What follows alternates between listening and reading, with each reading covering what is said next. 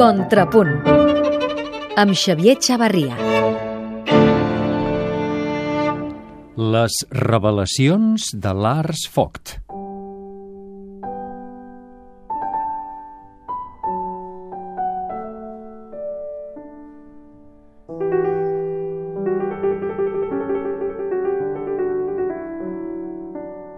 Hi ha repertoris, hi ha obres concretes que formen part del cànon musical d'Occident, tresors immarcessibles de la cultura europea, obres sublims que ens captiven perquè ens diuen de tot, perquè ens obren mons nous i que no ens cansaríem mai d'escoltar.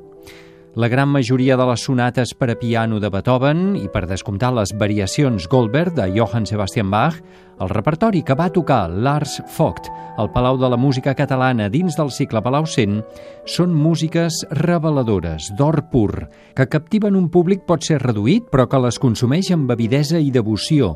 Melòmens amb múscul que ja les han tastat infinitat de vegades en versions perfectes, fins i tot en concert i per múltiples intèrprets.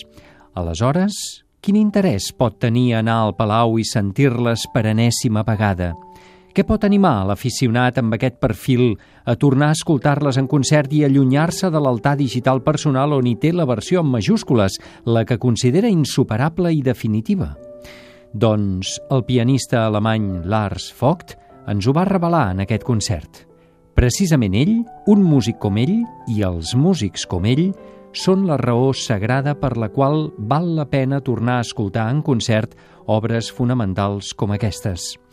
Perquè són concerts que es converteixen en una cerimònia i que poden acabar sent irrepetibles, potser inoblidables. Músics d'enorme categoria que estan a l'alçada de l'obra que toquen i que les fan viure amb colors nous, amb replecs insospitats, en un univers sonor sorprenent i revelador. I no n'hi ha prou amb el domini de l'obra i l'absoluta perfecció tècnica amb l'instrument, això ja es pressuposa.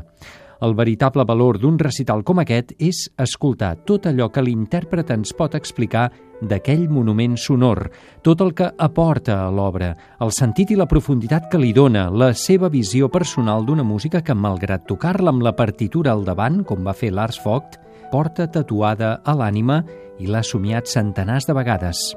Aquesta és la grandesa de concerts com aquest que va protagonitzar Lars Vogt.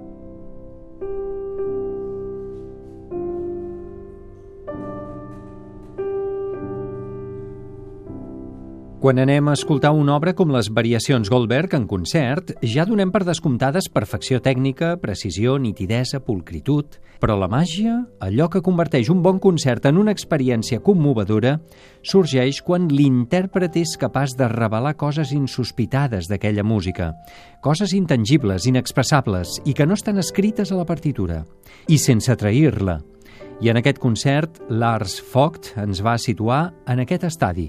Va tocar Bach amb una serenor i una delicadesa inefables, en una versió equilibrada pel que fa als tempi, però rica i diversa en efectes i matisos, i per sobre de tot, íntima i de gran tendresa.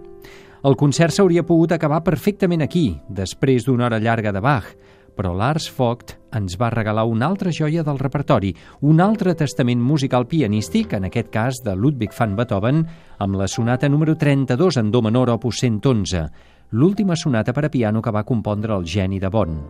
Una obra misteriosa i fascinant, en només dos moviments que es clou amb una arieta amb àries de confessió i que té extraordinaris vincles amb la música de Bach que acabàvem d'escoltar. Lars Vogt va accentuar la solemne inquietud que presenta el maestoso inicial, la rauxa i la passió que conté l'Allegro con brio, amb passatges plens d'esgarips i desgarrapades, música convulsa on Beethoven aboca sentiments i emocions fondes.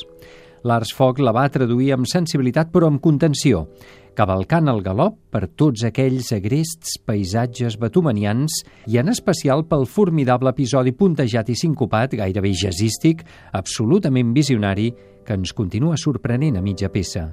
El trino etern i endimoniat que anuncia el final de l'obra va ser un comiat cristal·lí i eteri a un concert magnífic, amb música sublim, però per sobre de tot amb un intèrpret, Lars Vogt, tocat per la vareta dels déus.